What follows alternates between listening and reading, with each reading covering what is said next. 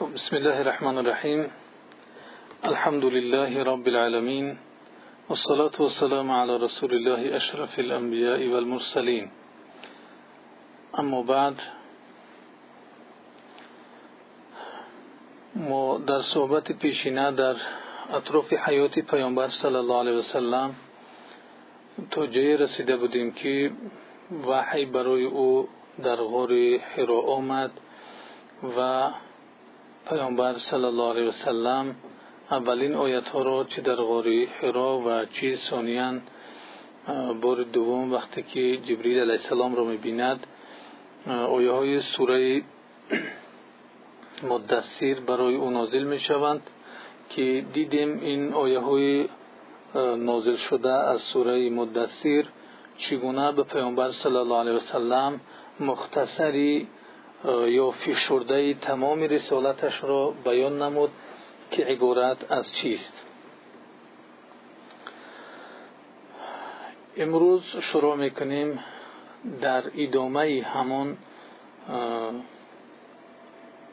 صحبت قبلی که این آیت ها برای پیامبر صلی الله علیه وسلم آمدند و برای او فرمان اولین شد که قم فانذر.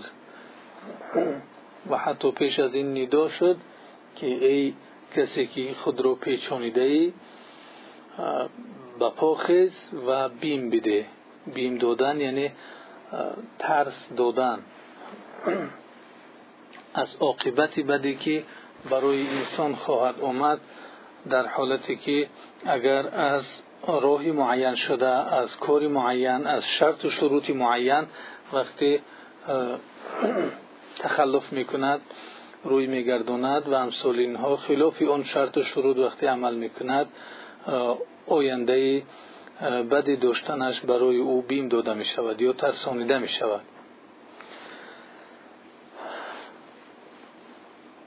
از اینجا شروع می‌کنیم امروز در ابتدای دعوت پیامبر صلی الله علیه وسلم که امر به او شده بود که قم فانذر بپا خیز و بیم بیده بعدی نزول این ها پیامبر صلی الله علیه وسلم برپا خیست و به سوی الله سبحانه و تعالی و به سوی اسلام مردم را دعوت می‌کرد. ولی آیا آشکارا دعوت می‌کرد یا پنهانی؟ در حقیقت در روزهای اول یا در بار اول یا در مرحله اول انسان نمی‌تواند این گونه مسئله ها را برای تمام مردم آشکارا بیان بدارد. و معلوم است که این دین چیزی ساده نیست چیزی عادی نیست چیزی است که به باوری انسان ها به عقیده انسان ها دارد.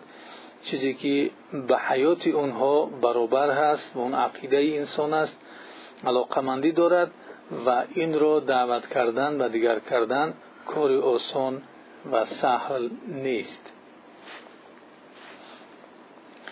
از این رو پیامبر صلی الله علیه و سلم چون مأمور شد از جانب خداوند که مردم را به سوی خدا و به سوی اسلام دعوت بکند اون نمی‌توانست که آشکارا در میان مردمی که آنها عقیده دیگر داشتند دعوت نماید یا مردم را به سوی خدا و اسلام بخواند و طبیعتا مجبور بود که به شکل پنهانی این کار را انجام بدهد. و این چنین طبیعی است که انسان وقتی این گونه کار را شروع می‌کند که مسئله نجات است مسئله نجات دادن است مسئله دین است مسئله اعتقاد است. اولا شروع می‌کند با اهل و بیت خود با خانواده خود با دوستان و رفیقان خود و نزدیکترین مردمانی که به او می‌باشند از این رو پیامبر صلی الله علیه وسلم این چونین چگونه که طبیعتی کارها به این صورت است دعوت خود رو هم این گونه طبیعی شروع کرد که بیتش دوستانش و نزدیکترین انسانهایی که به او بود دعوت را شروع کرد.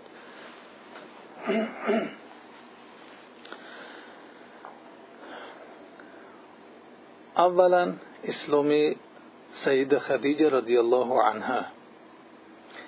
اولین کسی که به پیامبر صلی الله علیه و سلم از زنها ایمان آورد این مادرمان سید خدیجه رضی الله عنها است.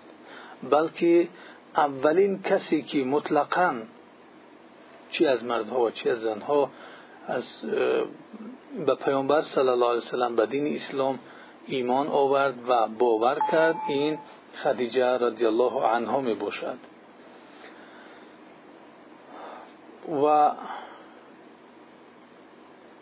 این نفر اولین کسی است که به وحی الهی گوش فرانیهاد وحی الهی را از دهان رسول صلی الله علیه و سلم مستقیما اولین کسی که گوش فرانیهاد این مادرمان خدیجه رضی الله عنها بود. و این چنین اولین کسی است که قرآن بعد از شنیدنش از صدای رسول صلی الله علیه و سلم به گوش او رسیده و تلاوت شده است بعد که از جبریل علیه السلام او را شنیده بود تلاوت او را بار اول به سیده خدیجه رضی الله عنها کرد. و این چنین اولین کسی که نماز رو از رسول الله صلی الله علیه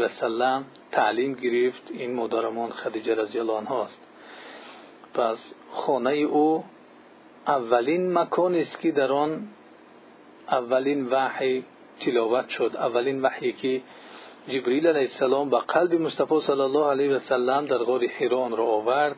اولین مکانی که در آن تلاوت شد خانه خدیجه رضی الله عنها بود.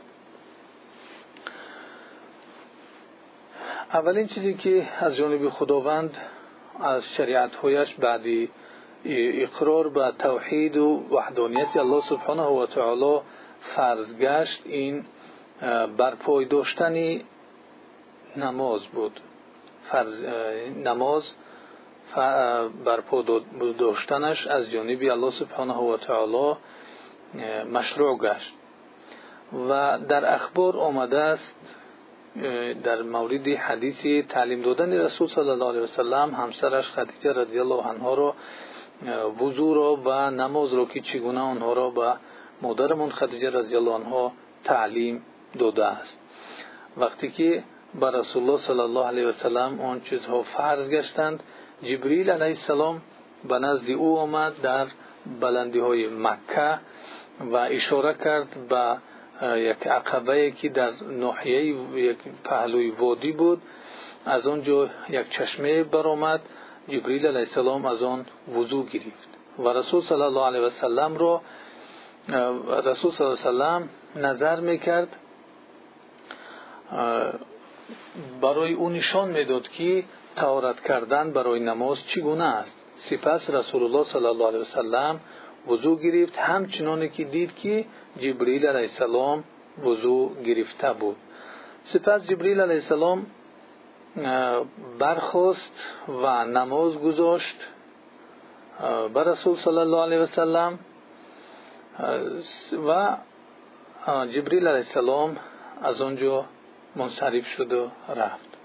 رسول خدا صلی الله علیه و سلم به نزد خدیجه رضی الله عنها آمد و برای او وضو ساخت برای تعلیم دادنش تا اینکه آن را نشان بدهد که وضو گرفتن برای نماز چگونه است؟ همچنانه که جبریل علیه السلام برای او نشان داده بود. پس وضو گرفت همچنانه که مادرمان خدیجه رضی الله عنها وضو گرفت همچنانه که رسول الله صلی الله علیه وسلم او را نشان داده وضو گرفته بود. سپس برای با او رسول الله صلی الله علیه وسلم نماز گذارید. همچنانه که جبریل علیه السلام با پیامبر صلی الله علیه وسلم نماز گذاریده بود. یعنی این شرف شرفی بسیار بزرگ است. برای مادرمان خدیجه رضی الله عنها که اولین خانه اولین شخصیت اولین کسی که قرآن رو میشنود اولین کسی که نماز رو تعلیم می‌گیرد وضو رو تعلیم می‌گیرد مستقیما از پیامبر صلی الله علیه وسلم اولین کسی که وحی الهی را بعد رسول صلی الله علیه وسلم از بشریت میشنود این مادرمون خدیجه رضی الله عنها است. یعنی ببینید که زن زنی صالحه در حیات یعنی مرد مخصوصا در دعوت چگونه اهمیتی بزرگ دارد اگر به آن سرفهم برود. دوم اسلام آوردن علی ابن ابی طالب رضی الله عنه بعد ایمان آوردن مادرمان خدیجه رضی الله عنها علی ابن ابی طالب در اسلام داخل شد و از کودکان اولین کسی که ایمان آورد علی ابن ابی طالب می باشد در این حالت سن سالش در حدود ده سالگی بود و راجحترین قول ها حدود ده ساله می‌گویند قول تبری و ابن اسحاق است. خداوند بر او روزی داد نعمت داد که او را چنان گردانید که در زیر سرپرستی رسول الله صلی الله علیه وسلم پیش از اسلام تربیه میافت چون که پدرش ابو طالب فرزندانی زیاد داشت و سطح زندگیشون قدر بلند نبود. فرزندانش رو بعضی برادرانش گرفته بودند تو اینکه برای او کمی یوری شود. از جمله رسول الله صلی الله علیه وسلم علی ابن ابی طالب رو گرفته بود برای سرپرستی و برای یعنی یوری رساندن به امکش در های زندگی. علی ابن ابی طالب رضی الله عنه سیوم نفر است که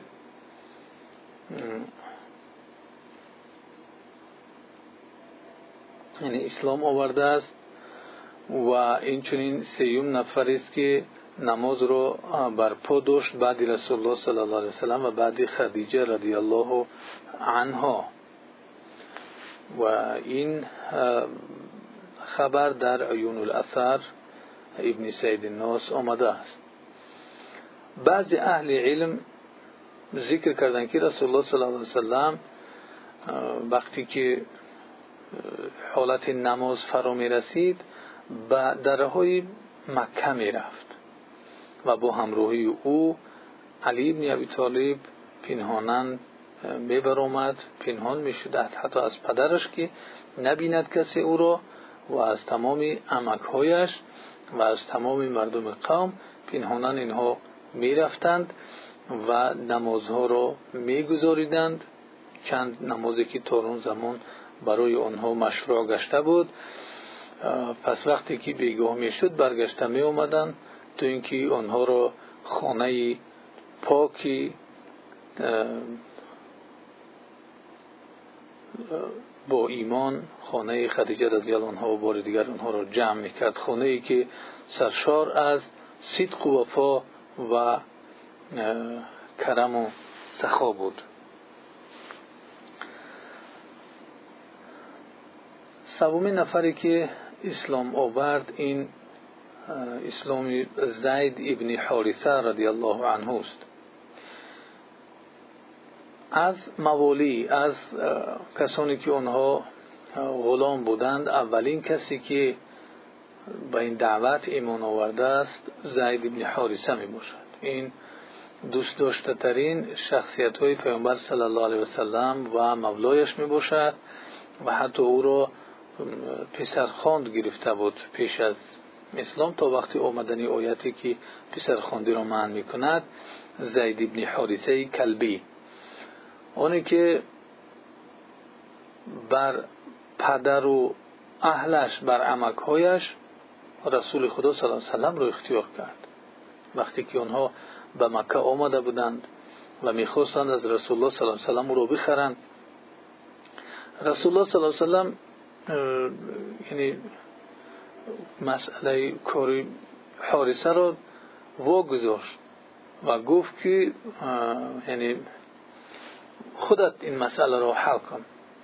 و زید به رسول الله صلی الله علیه وسلم گفت که من کسی نیستم که بر تو کسی دیگر را اختیار کنم. تو برای من به منزله هم پدر و هم عمک هستی. خب پدرش و عمکش که اونجا بودن گفتن که وای بر حال تو یعنی تو بندگی و غلامی رو بر حریت اختیار می‌کنی بالاتر می‌دونی. و بر پدر و تو عمک ها و اهل خانوادت اینها رو این عبودیت و این غلامی رو بالاتر می‌دونی. گفت بله. من از این مرد چیزهایی رو دیدم که من کسی نیستم که هرگیز کسی رو بر او بالاتر اختیار کنم یا در عوض او اختیار نمایم. زید ابن حارثه چون چندین مدتی با پیامبر صلی الله علیه وسلم بود با این شخصیت آشنا گشت و در دل او محبت رسول صلی الله علیه وسلم رو خداوند دخته بود که دیگر پیامبر صلی الله علیه وسلم رو اختیار کرد. یعنی ببینید که پیامبر صلی الله علیه وسلم خواست که خودش این مسئله رو حل کند و بخواهد با پدر و مادرش با پدر و عمکایش برود و بخواهد باقی ماند. چهارم اسلام آوردن دختران پیامبر صلی الله علیه وسلم. اینچنین به اسلام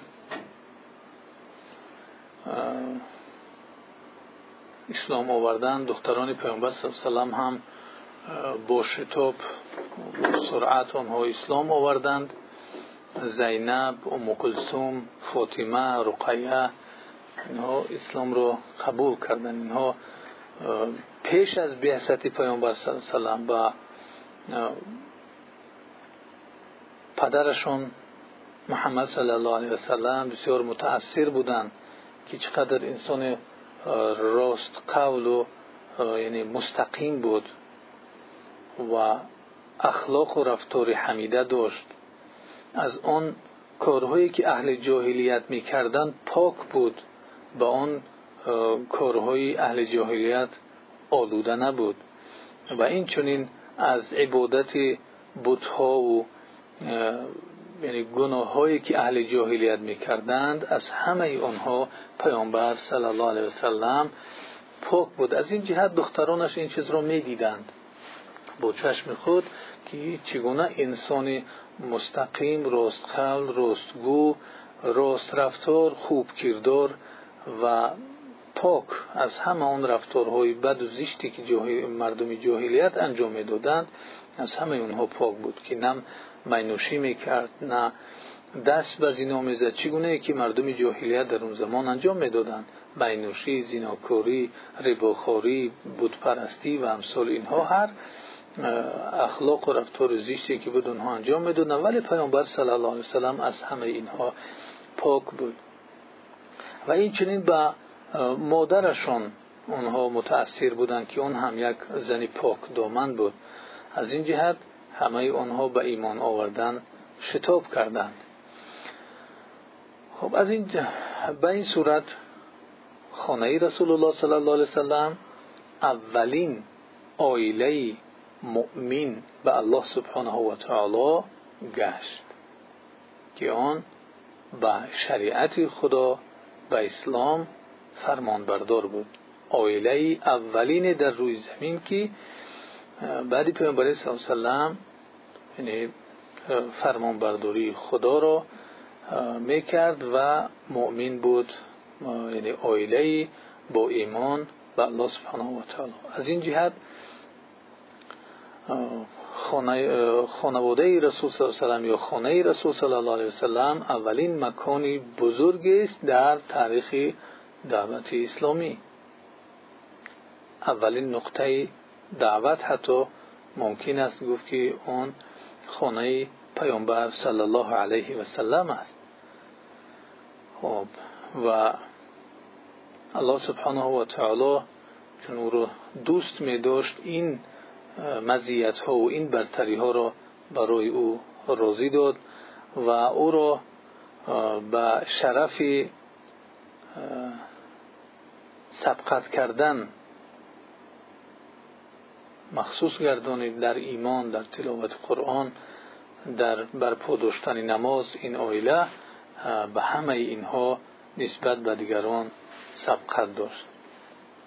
پس این آیله یا این خانواده اولین مکان است که در آن وحی آسمان بعد غار حرا تلاوت شده است. و آن اولین خانه است که مؤمنه اول را اولین کسی که ایمان آورده است و سبقت کننده به اسلام بود اون را در بر می‌گرفت. خدیجه رضی الله عنها را. و آن اولین خانه است که در آن نماز برپا شده است. و آن اولین خانه است که در آن مؤمنان سگانه که آنها سبقت به اسلام کردند اینها را جمع کرده است که اون خدیجه علی و زید بن حارثه رضی الله عنهم اجمعین می باشد و آن اولین خانه است که عهد کرده که پیامبر صلی الله علیه و سلم را و دینش را یاری خواهد داد تأیید خواهد نمود نصرت خواهد داد و در این مسئله یگان فرد از افرادی که ذکر شدند از این خانواده نه کلان سال و نه سالش یگان توی آنها عقب نشینی نکردند از یاری رساندن به دعوت پیامبر صلی الله علیه و سلم. از این جهت خب سزاوار است برای این خانه برای این آیله و خانه یک نمونه باشد و این چنین تربیتگران آن همچون یک نمونه همچون یک مثال زنده نمونه زنده برای خانه های مسلمان ها برای زن ها و مردان مؤمن و مؤمنه ها باشند خب که چگونه زن در آن یک زن پاک مؤمنه مخلصه وزیر صدق و امان و پسری عمکش که آن در زیر کفالت کفالت و تربیه رسول الله صلی الله علیه وسلم بود قبول کننده گپی پیامبر صلی الله علیه وسلم رو بود یاری دهنده و رفیق آنها بود. و این چنین چگونه گفتیم پسر خونده که اول اون رو پسر خوند گرفته بود بعدا حکم اومد که پسر خونده درست نیست. اون مؤمنی صادق و یاری رسان که این خانواده رو پیامبر صلی الله علیه و را بسیار یاری داد و این چنین دعوت اسلام رو و دخترانی تصدیق کننده و این ایمان یعنی قبول کننده این دعوتی پیامبر صلی الله علیه و رو مؤمنه بودند و فرمانبرداری گفته های خدا و رسول خدا. این بود خانه پیامبر صلی الله علیه خب خانه, خانه پیامبر صلی الله علیه وسلم این گونه یک مکانتی بالا رو داشت یک مکانت و مقامی بزرگی رو داشت. خب. پس سزاوار است که آن نمونه برای ما باشد قدوه و نمونه برای دیگر مؤمنان و مسلمانان باشند که بر آن راهی که آنها رفتند انسانهای مسلمان در زندگی و در رفتار در صدق و صداقت در قبول کردن راه حق و عمل کردن به آنچه که ایمان آوردند. به اینکه الله سبحانه و تعالی پروردگار اونهاست و محمد صلی الله علیه و نبی و رسول است. خب حقیقت روشنی که در این منهج و روش ربانی برای ما معلوم میگردد. این اشاره می‌کند این حقیقت روشن در این روش پیامبر صلی الله علیه و که بینای یک فرد صالح بسیار اهمیتی بزرگ دارد. یک فرد رو بینا نهادن بسیار اهمیتی زیاد دارد و در مرحله دوم یعنی یک آیله شایسته رو بنا کردن این هم داروی اهمیتی خیلی و خیلی بزرگ است. بینای فرد و بینای آیله مسلمان. این بینایی که از افراد عبارت بود از خدیجه رضی الله عنها یکی از فردی این خانواده بود.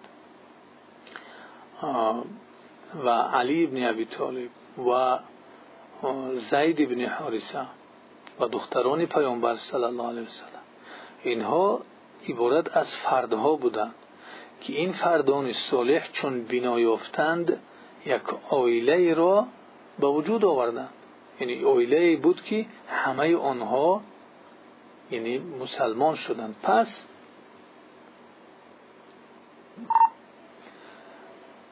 این آیله حلقه اولین از حلقه های اصلاح است. حلقه های اصلاح کردن جامعه بشری اولین حلقه اصلاح و بنای جامعه بشری یا اصلاح کردن جامعه این حلقه خانواده پیامبر صلی الله علیه و سلم به شمار می رود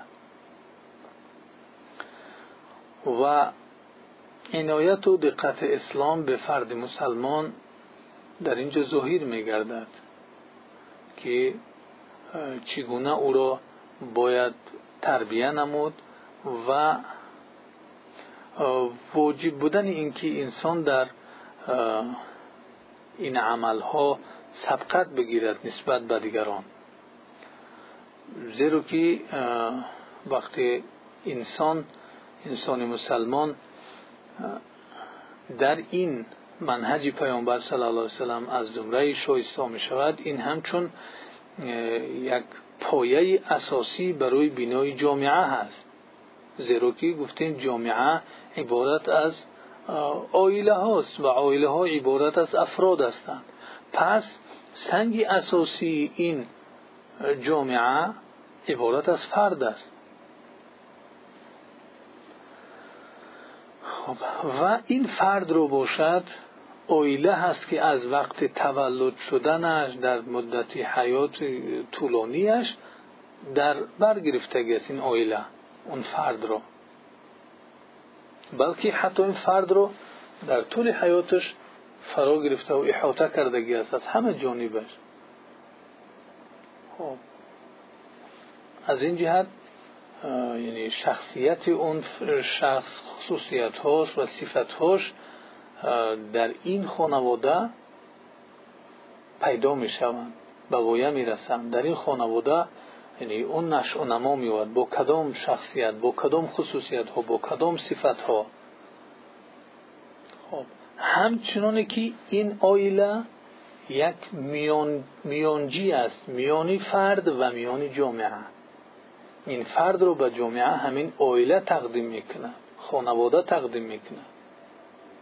پس وقتی که این میانجی و مسئله وسیط و میانه سالم و قوی باشد خب دو طرفش را تقویت میتید هم فرد رو از یک جانب و هم جامعه رو از طرف دیگر.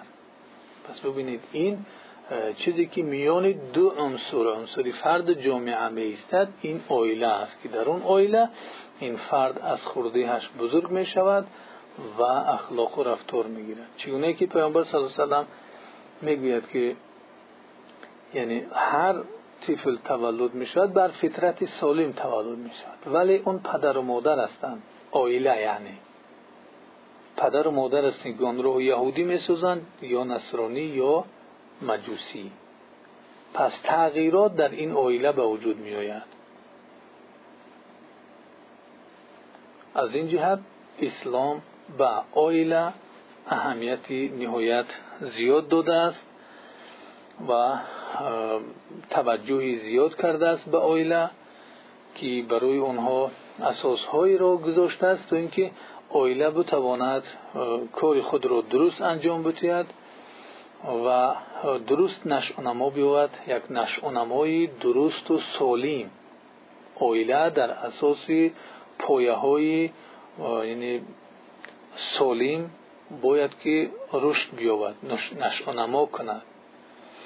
و اویله را اسلام توجیه می‌کند به یعنی وجهت ربانی یعنی همچون یک اویله خداشناس تا حلقه بسیار مستحکمی باشد در بینای جامعه اسلامی که آن جامعه را که الله سبحانه و تعالی می‌خواهد باید دارای یک مدنیتی بسیار بلند در این دنیای مردم باشد. مدنیتی که انسان را و انسانیتش در همه حالت اعتراف می‌کند. انسان را جدا نمی‌کند به شرقی و غربی. انسان را جدا نمی‌کند به سفید پوست و سیاه پوست. انسان را جدا نمی‌کند به یعنی بای و کمبغل چگونه که پیامبر صلی الله علیه و می‌گوید کلکم لآدم و آدم من تراب. همه شما از آدم هستید و آدم از خاک است. یعنی همه شما برابر هستید. چگونه که در حدیث دیگر می‌گوید مثل اسنان المشت مثل دندانه های شانه. همه شما برابر هستید. لا فضل لعربی على عجمی ولا لعجمی على عربی الا بالتقوى عربی به عجمی یگان فضیلتی ندارد یا عجمی به عربی یگان فضیلتی ندارد می‌گوید پیامبر صلی الله علیه مگر به تقوا تقوا چیست؟ تقوا اون چیزی است که سازنده جامعه ها سازنده فرد است سازنده اویله است سازنده جامعه است تقوا این عدل است. تقوا این عدل الهی است. تقوا یعنی نبودن ظلم است. تقوا یعنی نبودن غارتگری است. تقوا یعنی نبودن خیانت است. تقوا یعنی نبودن دروغ و فتنه و رشوه و, و امثال اینها. نبودن زنا نبودن مینوشی و امثال اینها. تقوا این است. در این تقوا انسان بلندتر است نسبت به دیگر. ولی این تقوا رو باز انسان دعوا کرده نمی‌توند که این تقوای من است که اندازش از تقوای شما بیشتر است. بلکه پیامبر صلی الله علیه اشارت کرد که التقوا ها هنا به قلبش اشاره کرد که التقوا ها هنا التقوا ها هنا. تقوا اینجاست. با اون تنها خدا آگاه است و هیچ کس دعوای برتریت خود را نسبت به تقوای دیگر کس کرده نمی‌تواند. ولی کوشش می‌کند تا اینکه از دیگرها خوبتر باشد در تقواداریش پس این مسابقه می‌شود به خیر مسابقه می‌شود در نیکی نه در بدی. هیچ وقت به کسی بدی را نمی‌خواهد. هدف و مقصدی انسانی که این راه پیامبر صلی الله علیه و را می‌رود مثل که رسول صلی الله علیه و برای همه نیکوکار بود باید مثل پیامبر صلی الله علیه و این گونه راه را پی بگیرد و در بینای فرد و در بینای آیله صالح کوشا باشد تو اینکه فردی نمونه و آیله نمونه را به وجود بیاریم. خب در اینجا ما توقف می‌کنیم. گرچنده باز در موضوع رسیده بدیم در حضرت ابوبکر صدیق رضی الله عنه ولی چون این شخصیت در راه اسلام در دین اسلام تأثیر خیلی زیاد گذاشته است ما نمی‌توانیم در دو سه دقیقه اکتفا بکنیم. برای صحبت کردن در مورد حضرت ابوبکر صدیق رضی الله عنه در مورد اسلام آوردن و تأثیر او از این جهت انشاءالله در حلقه آینده شروع می‌کنیم از سیدنا ابوبکر صدیق رضی الله عنه چگونه اسلام آورد و چگونه اهمیت در دعوت اسلام داشت. و آخر دعوانا الحمد لله رب العالمین. و جزاکم الله خیرا. اگر سوالی باشد مرحمت مطرح کنید.